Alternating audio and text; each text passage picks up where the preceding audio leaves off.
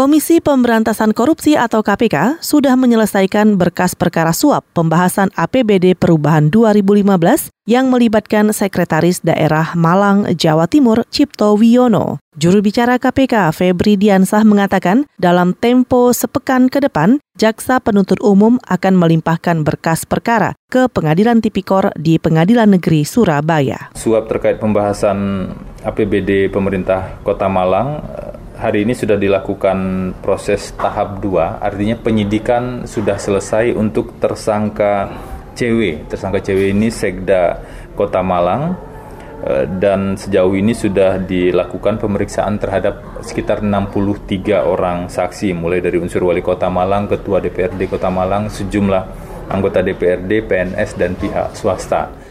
Febri Diansah, juru bicara KPK, menambahkan Sekretaris Daerah Malang, Jawa Timur, Cipto Wiono, merupakan tersangka ke-45 dalam suap pembahasan APBD Perubahan Kota Malang 2015. Sebelumnya, pada September tahun lalu, 41 anggota DPRD Kota Malang dinyatakan resmi berstatus tersangka oleh KPK karena korupsi berjamaah menerima suap pembahasan APBD Perubahan 2015.